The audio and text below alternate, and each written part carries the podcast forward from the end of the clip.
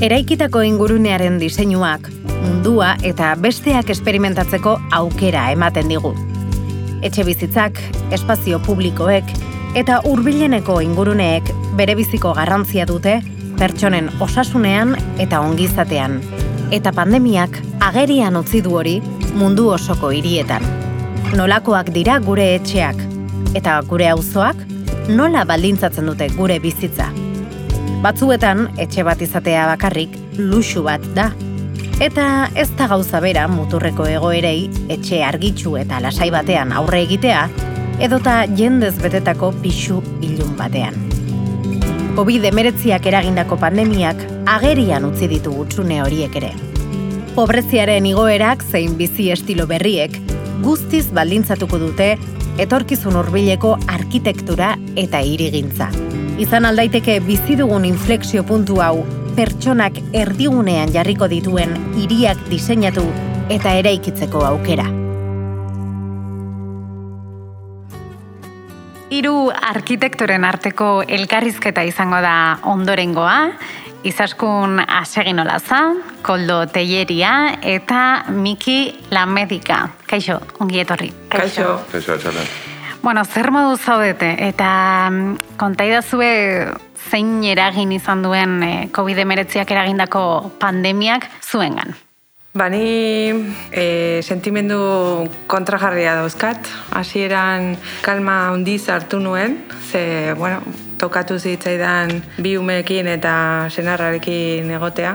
Lauak etxe txiki baten barruan, beraz, ba, pazientziakin hartu behar izan genuen, eta bixe bat e, aurre egiteko egoera mm, beldurti guzti horri, ez? Ba, e, bueno, nik hartu nun kalma, oza, akuario naiz, eta, eta, bueno, pazientzia bezala ekin, ez? Baina, e, moen dela hilabete batetik aurrea, kalma hori, ez dakit, gastatu egin zaiten, edo nekatuta ja bezala sentitzen naiz, ez? Osea, aspertuta baita ere, pixka bat gogoakin beste gauza batzuk al, kanpoa jutea, ezakit bidei txiki bat, ez ez urrutira jo nahi, baino etxez aldatu nahi dut, edo eszenarioz, edo lako beharren bat sentitzen dut, esan. Nire esperientzia izan da, nahiko segurazki batez ere hasieran ez berdina ze ni berez jatorriz italiarra naiz eta justo martxoaren hasieran italian egon nintzen e, arrazoi familiar batengatik. Eta orduan hor gertatzen ari zana dena gertatzen izan bi, bi lehenago eta oso mentalizatuta nengon beste personekin edo ingurokokin konparatuta. Hau da, nik jabanekin, mira, urrengo pausua izango da, o, itxiko dutela, ba, edo lockdown hori hasiko dala datorren astean. Eta orduan, nitzako izan zen kasi prestatuta nengola, ez? Mm -hmm. Etzen bat bateko zerbait izan? Ez, ez. Eta seriotasun handikin gainera, ze ikusten nun hor, mm, ze hasieran ze harintasunakin hartzen ari ziren e, lehenengo neurriak, eta gero gero eta zaila biurt, nola bihurtu zen, ez? Eta orokorrean hasieran fiska mentalizazio horrekin, eta gainera oso egoera lasaia batean, nik ez daka e, umerik, txakur batekin bizi geha nire bikotekin, eta orduan askatasun puntu hori ere bagenekan ateratzeko, eta eta segurazki kon beste hemen donostin egian bizi, bizi geha, eta konparatuta beste auzo batzukin segurazki ba, mantendu du gero lan jarduera hasi zirenean berriro mantenduzun muimendu pixkat, eta segurazki hasieran zentzu hortan izan zen nahiko lasai esango nuke, eta gero bai etorri izan, bai hausnartzeko momentua gero eta gero eta presenteoa izan zen, ez? Ze, zera egin izaten ari izan ba umoren eta eta lan, lan jarduera eta eta bai. Hala ere, nik nire esperentziatik esango nuke ikasketa potente bat izan dela eta ikusita osea onerako eta txarrerako ba esango nuke asko ikasteko modukoa izan dela. Pues ni nekatuta nago, nekatuta nago eta eta eta esperantzaren bila denbora guztian, ez? Osa, pixka bat, hasieran osondo egon nintzen, e, e, itxialdi garaian pixka eta txiki bat izan zen, ez? Beti askotan lan ez lepo eta horrela, eta ez da ezula gelditu da mundua jetxi nahi dut. Eta sentsazio hori jetxinitzara munduti, baina, baina ni bezala beste danak ere, ez? Eta, sentsazio hori oso derra izan zen baita ere e, aldezarren bizi naiz, mm, aldezarra pake erabatean, bueno, dena bezala ez, baina aldezarra merra da kontrasten diagoa, baita ere goika pixu batean bizi naiz, argiazkokin, terrazatxo batekin, eta bueno, ba, lujo sentsazio bat eukin ziren. E, gero ja bigarren, ja azaro aldera edo hor bai bastante bajo ja hundi eukin e, berriro erdi konfinatuta, normalidadea, oinez normalidadea, asko nekatu naiz ere gora eta bera, egun batean zer egin daiteke, bestean ezin da egin, gauzak aldatu, gauzari logika bilatu nahi, baino ezin logikari bilatu. Eta oain nekatuta nago, inor lasain nago, ez? Ja, ez, ez nago gehiagi ardura ere, daukat horren beste bildurrik, e, eta eta ez dakit baita ere ez dut askotan ez dut gehiagi pentsatu nahi e, gai honetan, baino, bueno, auzoan oso sentsazio politia bizi izan dugu aldezarrean, e, berriro auzo izaera bat e, sortu dalako, eta jendearen arteko harreman asko sorturi da, ez, leheno hainbeste jende gonda ez zeudenak, eta, eta bueno, ni herri txiki bateko naiz, segurako naiz, eta baina aldezarrari hartzen diot, herri txiki horren zentzua, ez, pixka bat, e, eta falta zaitera da sorpresak gertatzea, eta ez usteko gauza gertatzea pixka bat mm, sekulet nahi izan rutina bat jarraitzen duen pertsona, eta bain sentitzen nahi rutina baten barruan nahi eta ez, ez eta horrek horren ekatzen du bai. Eseri gara hemen maiaren bueltan e, arkitekturaz eta irigintzaz hitz egiteko, besteak beste. Eta gaian e, kokatzen hasteko e, galdetu nahi nizuen, nola ulertu behar dugu arkitektura? Zer da arkitektura? Zer ez da? Zer da irigintza? Edo nola ulertzen duzu ezuek? E, gara jauetan sekula baino gehi uste izan behar dula jendea e, elkartzeko balio duen pentsakera bat eta eta jendearen tzat pentsatzen duen disiplina bat uste izan behar dula. Ez dut uste beti horrela izan denik, edo ez bintzen jende guztiaren tzat. Baina beti izan behar da horrela. Beti izan behar da horrela, hori da. Eta, eta gara honek hori jarri du mai gainean ere ez. Behar bada ez dara beti pentsatu izan arkitektura pertsona ororentzat eta eta batez ere dara pentsatu eguneroko bizitza xume batentzat hor azaldu dira ez etxe guztiet dauzkaten gabeziak, e, argizapen falta, balkoi faltak, e, oinarrizko arkitektura edo espazio bate, batek bete behar ditun balditzak betetzen ez dituzten biziguneak, ez, eta hori dana mai gainean jarri da orain. Badirudi, gaur egun dauzkagun etxe bizitzatan dana bizi behar garela berdin, ez, e, logela berdina guztiontzako, sukalde berdina famili mota ez berdinentzako, jangelak dana dira berdinak, baina guztio gara ez berdinak, eta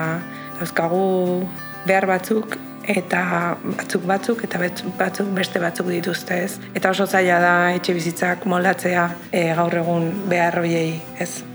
Edo zaila da aurkitzea etxe bizitza bat zuri egukitzen zaizuna, ez? Mm, bueno, nik uste arkitekto horretarako ez, eta arkitektak horretarako balio degula, ez? E, egokitzeko pixka bat espazioa pertsona horrekiko edo hoiekiko, ez? Bai barruan, ez, eraikinaren barruan, baino bai kalean.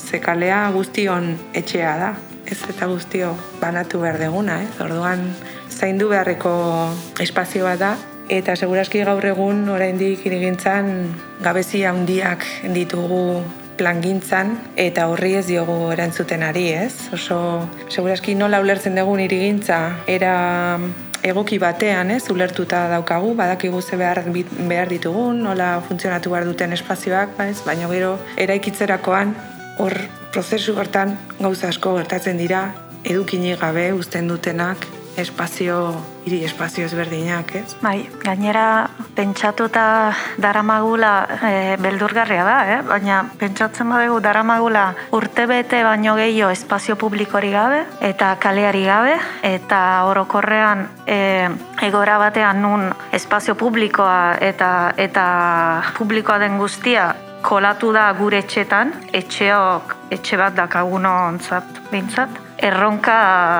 gero eta handiagoa da, hau da, nola itzuliko gera espazio publikora eta nola birpentsatuko dugu da, ikasita dakagunarekin, ez? gure etxetan ze pasadan, ze azken finean, zaiatu gara hor zartzen e, espazio privatuta edo privatua kontsideratzen dan espazio batean, ez?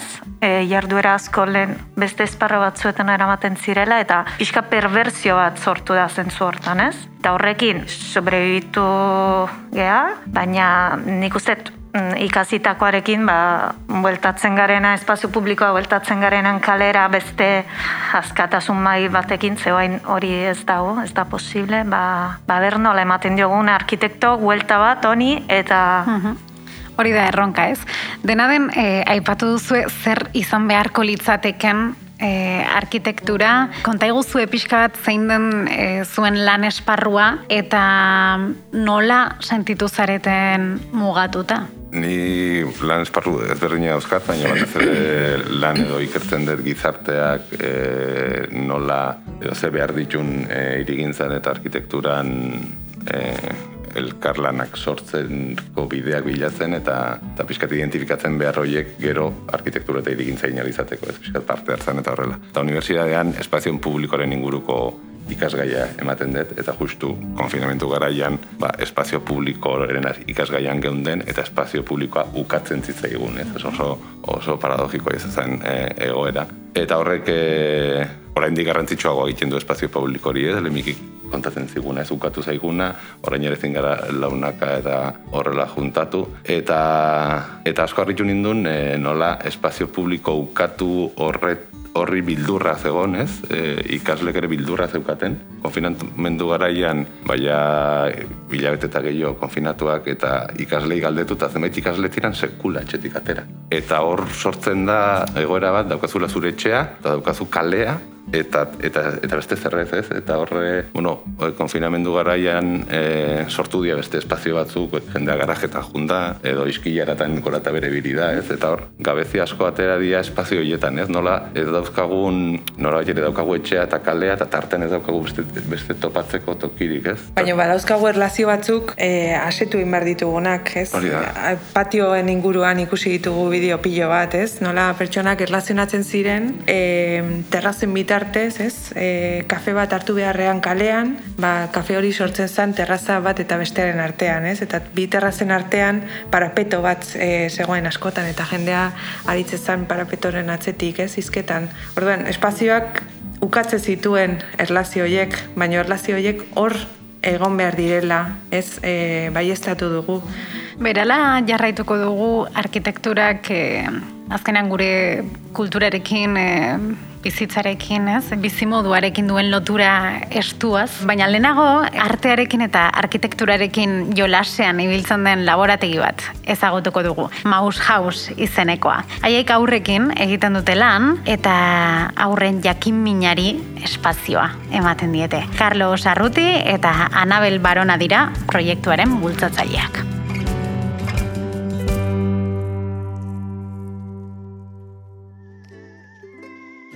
Estamos en Mouse House, un local, un pequeñito local a pie de calle entre las calles Pedro Gaña y Calle Prin, en Donosti. Es un local en, la que le, en el que le entra mucho la luz, nos gusta mucho, es un local en esquinita y por la tarde a veces tienes que cerrar un poco los ojos para no verte deslumbrado. Son, como siempre decimos, los 21 metros cuadrados mejor aprovechados del mundo. Bueno, pues ¿cómo definiríais Mouse House? ¿Cómo por y para qué trabajáis? Pues nosotros trabajamos para la infancia y por la infancia prácticamente ahora como único objetivo. Hasta ahora estábamos dedicados a los mayores y ahora nos hemos, desde hace 10 años, 11 años, nos hemos dedicado en exclusiva a la infancia. Porque es un colectivo que necesita mucha, muchos cuidados, necesita mucha atención y no está casi nadie eh, atendiendo a sus necesidades como debería de hacerse. ¿Y cómo ha afectado la pandemia a vuestro trabajo? Porque sabemos que a la infancia también ha afectado, pero a vuestro trabajo. Nuestro trabajo en principio fue prácticamente un drama. En los primeros momentos en los que empiezas a imaginar que vas a ser una persona imprescindible para la sociedad, te das cuenta de que eras uno de los colectivos más prescindibles que existían. Como muchas y muchos, quedamos en la estacada eh, a la espera de mejores noticias. Y poco a poco fuimos dándonos cuenta de que teníamos cosas que aportar y que podíamos volver igual de otra manera igual derivando hacia la construcción de espacios para, más que reunirles físicamente, generar los espacios para reunirles, pero pudimos ver eh, de alguna manera que teníamos capacidad de reaccionar y de volver a ellos de otro modo.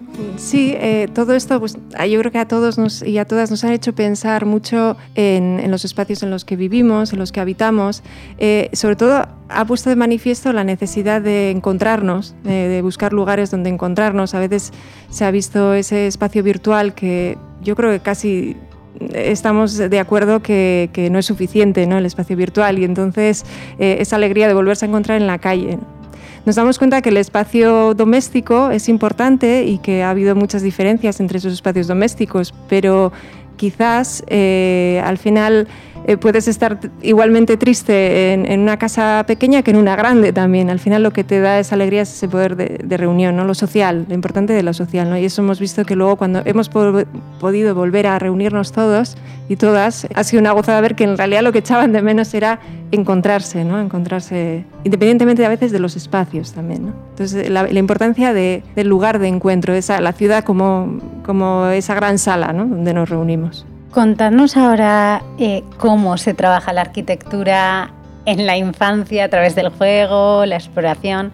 Precisamente a través del juego. O sea, yo creo que la, la, diferencia abismal que existe entre los estudios y la formación de la arquitectura y la, y la, información que se les da a las criaturas es la parte lúdica. En la escuela se da mucho conocimiento, pero se prescinde casi siempre del de, de atractivo del juego y creo que casi cualquier conocimiento es posible si sucede a través del ensayo que hacen de la vida, que es el juego para, las, los más pequeños.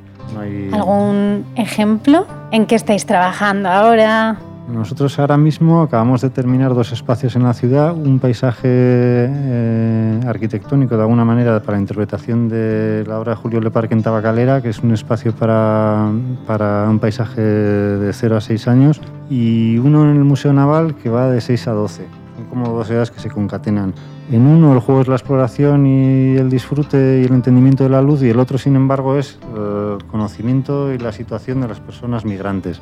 Ver cómo puede estar uno jugando a una cosa tan dramática como una migración y acabar entendiendo que es un proceso muy desagradable y que no querrías vivir, aunque todos somos migrantes pero digamos que las dos suceden a través del juego, de juegos diferentes. Uno es un espacio para la exploración sensorial, eh, un paisaje sensorial en el que ellos van a reconocer las formas del espacio y el otro es una especie de tablero de un juego de la oca en el que vas a aprender a través de las casillas las partes que no te gustaría vivir en tu vida, que son las relacionadas con la, con la migración. Entonces siempre trabajáis eh, desde la mirada crítica, desde una mirada transformadora. Sí, sí, no. Eh, miramos, siempre les hacemos eh, reflexionar sobre las cosas, ¿no? El hacer, les enseñamos un poco cómo es la realidad y luego a partir de esa realidad ellos cómo la, la interpretarían o cómo la transformarían, ¿no? Partimos muchos talleres con imágenes, les enseñamos imágenes, no sé, de cómo es la ciudad y luego ellos hacen su interpretación, ¿no?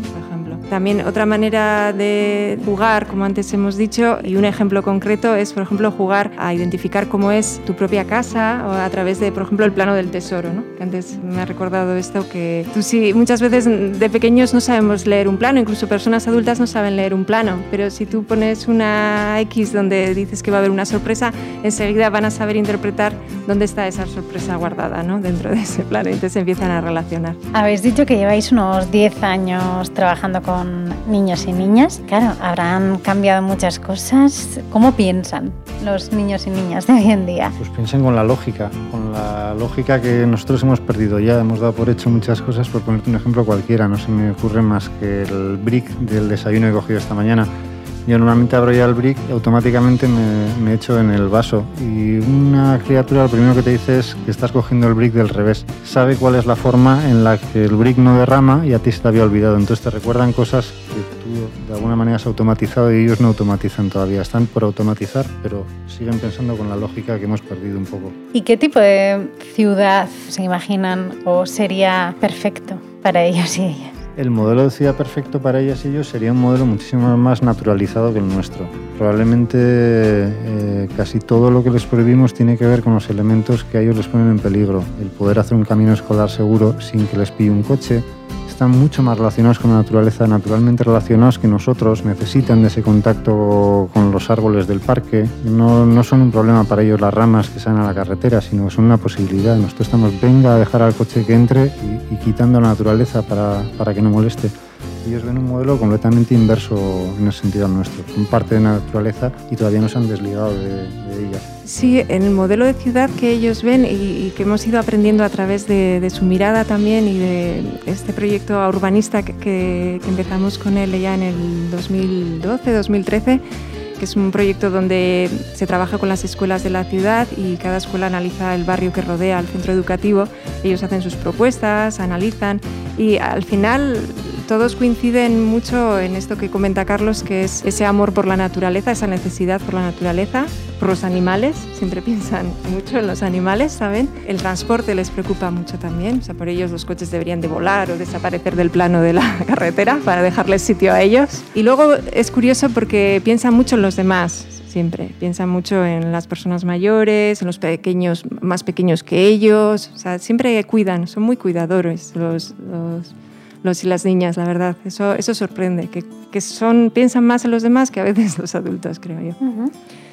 Y para ir terminando, ¿por qué es importante hacer uso del arte y de la cultura para construir una memoria colectiva? Pues porque probablemente el arte es una de las cosas más innecesarias que tenemos en esta vida y más humanizantes. Hace poquito me gustó mucho una, una perspectiva antropológica de género que tenía una mujer, Maet, no, no, recuerdo muy bien su nombre, eso ya me perdonaréis, pero decía una cosa muy importante acerca de la naturaleza humana. Decía, eh, si tuviera que decir cuál es el elemento más humanoide que encontramos en la antigüedad, probablemente no es ni un arpón de hueso, ni un un sílex afilado. Es el hueso de una persona, un fémur roto y vuelto a arreglar. En la naturaleza normalmente no se dan ese tipo de cosas. La gente si tiene un caballo, si pierde una pata, es comido por otro y creo que nosotros lo que podemos aportar es el cuidado al que tenemos cerca y eso es para mí de lo más, de lo más interesante que tenemos. El arte como tal es uno de los símbolos que nos ayuda a a encontrarnos son los hitos que hacen que nosotros podamos encontrar la naturaleza humana eh, más allá de nosotros mismos. Y nadie nos lo había pedido, porque lo importante era arreglarse el fémur. Pues ahí, ahí lo dejamos. Eh, Carlos Arruti y Anabel Barona. Es que ricasco, eta beste bat arte. Y a mí, a mí, es que... Bueltan gara, arkitektura eta irigintzaren inguruko sola saldian, izaskun asegin olaza, koldo teieria, eta Miki Lamedika arkitektoekin. Bueno, orain e, begirada kolektiboago batekin e, begiratuko diogu gaiari, saiatuko gara behintzat. Zer keman dizue atentzioa edo hausnarketarik konpartitzeko?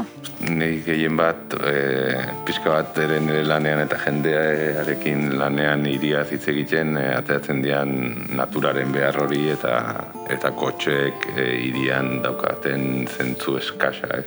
Nabarmentzea, osea, pixka bat e, aurren logika horrek eta esan dunez logikoak direla, logika horretan natura gehiago eta kotxe gutzi hor dituzte eta eta ez dit atentzio eman dit e, bueno, zentzu, zentzu nahi iruditzen zaitxerako eta horrela izan da uste derako. Interesgarria da, aipatzen dunean mm, gure hiriak ez direla pentsatuta pertsona guztientzako, ba, koldo ere lehen esan du ez. E, egia da askotan, umeak ez dira existitzen iria, eta umeen begirada eta umen presentzia ez da existitzen, eta niri askotaz hitz egiten da, er, irigile zaintzaietaz, edo urbanista zaintzaetaz eta igual hori da erronka, ez? Ba, pixka itzultzera e, irira eta oinez ibili pertsonekin hitz egin eta begiratu nola gizonak emakumeak e, adin ezberdinetako pertsonak, umeak, helduak, e, jatorri ezberdinetako pertsona nola bizi duten espazioa eta eta gero zegoen beste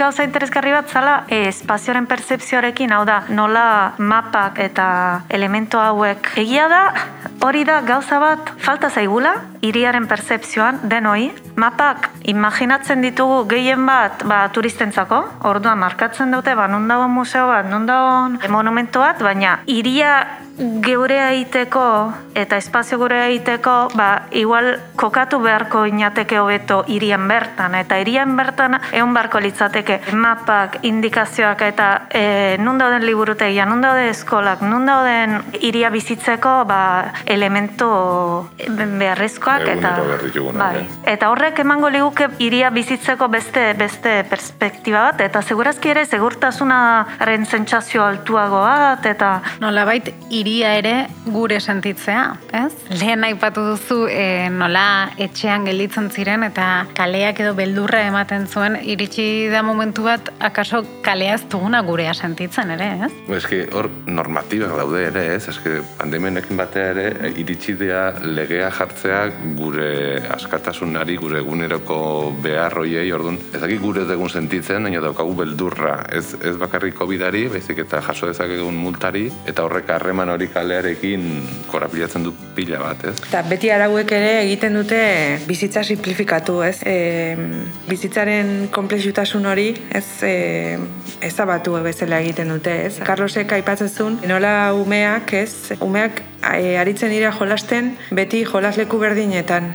Grosen, egian, amaran, eibarren, jolasteko tokiak dira dana berdinak eta ez ezki gustatzen. Beste gauza batzu gustatzen zezkie. Baina guri, guraso batzu, bueno, gurasoei, zeneri ere, azkenean ume seme alaba bat daukazu, eta beldurra da, sartzen zaizu. Ni arkitekta bezala lehen igotzen nintzen alturera ezberdinetara. Orain ezin naizigo bertigoa daukat. Nik uste ama izan nintzenetik e, sortu zaitan gauza bada. Ez baina da beldur hori zuri zerbait gertatzea eta bestea gelditzea, ba, bueno, zaintza hori gabe, ez? Bai, horrek eragiten du, ez, egotea beti. Ane, horretzigo, iker, ez da, ez egin horrekin, kontu zor, eta horrek eragiten du pilo bat umeen jolasean, ez beti sartzen hor mugatan, ez? Eta behar duten esperimentazio hori, ez, ekiditzen gaude beti, eta hori ezie bat ere onik egiten, ez? Gero, aspertu egiten naiz, klaro, eske ez dizut inoiz makil batekin jolasten utzi, ez?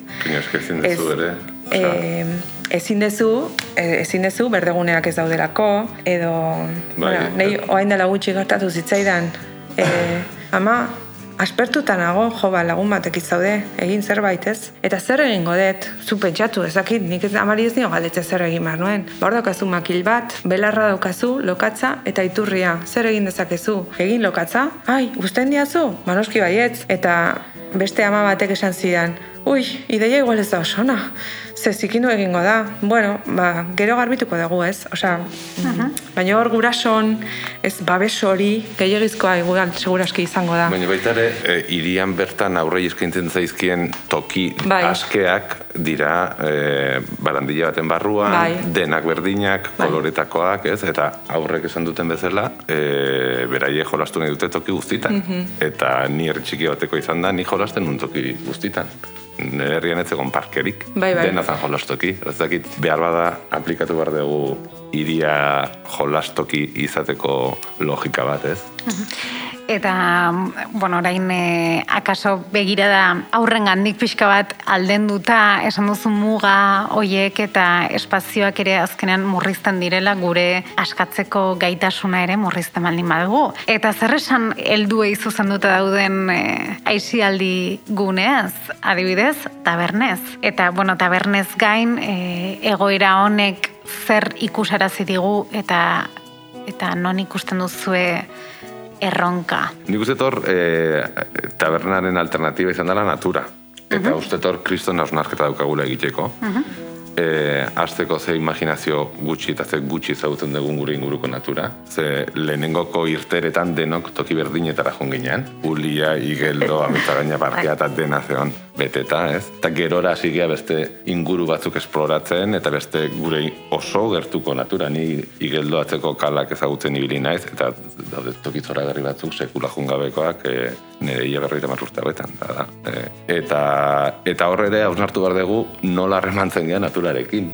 Ze iritar asko ari da naturara juten, eta nola doa naturara, ze harreman dauka, aurren aldetik ere, Carlosek eta esan duten bezala, natura behar dute, baina aurre badakite naturarekin harremantzen, e, euki dute, dakit ni txikitan, gurasoekin mendira nindoan, e, mendiko animalien logikak zer respetatu hartzan, langa bat irikitako langa hori itxi, animalia bat zeuden ez pasa, basura eraman ezkeo bueltatu, e, ni errespetatu eta zaindu dena ez, eta eta uste gaur egun hori ikasketa hori dela ematen, aurreka harreman hori daukatelako, eta ni boi mendia noanean edo natura da noanean, Azita, azita jendea ze zapatiarekin doan, eta ze jarrera daukan, hor uste dut lotura berri horiek e, e, egiteko bideak jorratu berko diala. Bai, ni goratzen naiz, justo ustaian uste etzala, eta nire pisu berdina biziran bizilagun batek dala pertsona nagusi bat, gainera e, bakarri bizidan, eta eta oso aktiboa da bera. Eta beti e, aukera zekanean, ba, ateratzen zan ba, paseo bat ematera edo. Eta behin esan zian, ze pena, ze normalean juten naiz, ematen de paseo bat, eta gero ezartzen naiz banko batean egunkaria irakurtzen, baina hain jungo naiz tabernara kafe bat hartzera, ze erreparo ematen dit banko batean jartzea periodiko egunkaria irakurtzen. Hau da, egon da momentu batean ez dakit oain, baina bai egon da tendentzi bat terraza edo edo kontsumitzen etzan guztia debekatzera edo behintzat zentsazio hori izan dugu, denok. Eta egia da, gure aizialdi eta kalean egoteko aukera bakarra momentu konkretu batzuetan hori izan da. Igual oain pixkat erlajatzen ari da egoera, baina momentu hori nahiko beldurgarria izan da, eh? Eta egia da, momentu hortan, ba, Eta bukatzen joan behar gara, nora begira zaudete, nora begiratu duzue, baduzue eredurik, orain badirudi dena sortzeke dagoela, eta badirudi dena dela posible, beraz, bukadezagun zertxo baita mesten. Bueno, bukazkena mestu dugun gauza da, egian 2008 marrean gaur egun dauden kotxen erdiak egongo direla, eta hori da egin dugun ariketa ikaslekin. Eh? Eta bueno, ni egora honek eh, amestetik aparte indar asko gehiago mandit bideoiek jorratzeko, ez? Aurren ametxorik kotxeak iritik ateatzea, eta iria pertsonentzako gitea, uste eta ametxo bat izan dala, baina ja errealidadat bilakatzen jun behar dala. Eta benetan natura hori irian sartzea, ez? Edo eh, ateratzea, dago natura ateratzea, azkenean bai, natura berreskuratzea. Hormigoi eta asfaltoaren azken bai, natura dago, estali degun hori. Estali degun hori, kare, oza, gaina, azalaratzea, ez? Hori bai da... Posible da? Seguro baietz. Pentsatu bai, bai. egin behar dugu. Nola baino posible da. Noski egiten ari da, eskotan, eta e, zenbait e, ibai tuboetan sartu ziren ibai hoietako asko, herri askotan kanporateratzen nahi dira. Baina hoietatik aparte, koldo, nik uste kaleetan ere noski, noski, gauza gehiago egin ditzakegula, ez? Zuaitzetik zuaitzera, igual lehengo gunean hitz egiten genuen, ez? E, luzoru bigunagoak izan daitezke, kotxeak aparkatzen duten tokiak segurazki bestera batean izan daitezke. Kotxeak dute aparkatu behar, ja. Baita ere, baina zenbait aparkatu behar dute, ze amona etxera eraman bar dugu, eta erosketa etxera eraman bar duzu baita ere, ez? neosita. Bueno, eske, igual sotoak ez ditugu egin behar, baita ere benetazko lotura bat izateko naturarekin, ez? Bueno, hor, mm. pentsatu beharra dago nola egin, baino batez ere erregenerazio prozesu bat behar du hiriak, ez? Pertsona, natura sartzeko... Eta uzoen logikan sartuko dena. Mhm. Eta gero izazkonek ezaten zenuna tarteko espazio hauek ere, eguneko egun pribatu eta eguneko egun publiko ez dan hori, ea nola birpentsatu ezak. Ea ze aukera dauden ba, espazio hauek bizitzeko eta tresnak izateko ba, erabiltzeko eta... Eta komunitatean tokia izateko, ez? E, bai, elkartzea ere Bizilagunentzako atari handigoak izateko, e, e, elkarrekin topatzeko eta eta gauza bakardadean edo orokortasunetik aparte talde txikitako antolaketa, auzo antolaketa, Bai, itxaropean puntu horrekin utzi beharko dugu sola saldia. Izaskun asegin olazan, koldo telleria eta miki la medika, mila, mila esker. Zuei, placer bat. Zuei eskerrak. Mila esker. Eta zu, nola sentitzen zara? Zure hau ere entzun nahi dugu. Bueno, ni pertsonalki nahiko naskatuta nago pandemiarekin eta noiz amaituko denez jakitarekin. Era berean nire lagunekin elkartu eta lehen askatasunez egiten genituen planak pues, faltan botatzen ditut. Eta azkenik eh, pandemiak lan aukeretan izango dituen ondorioak pues, kezkatzen didate.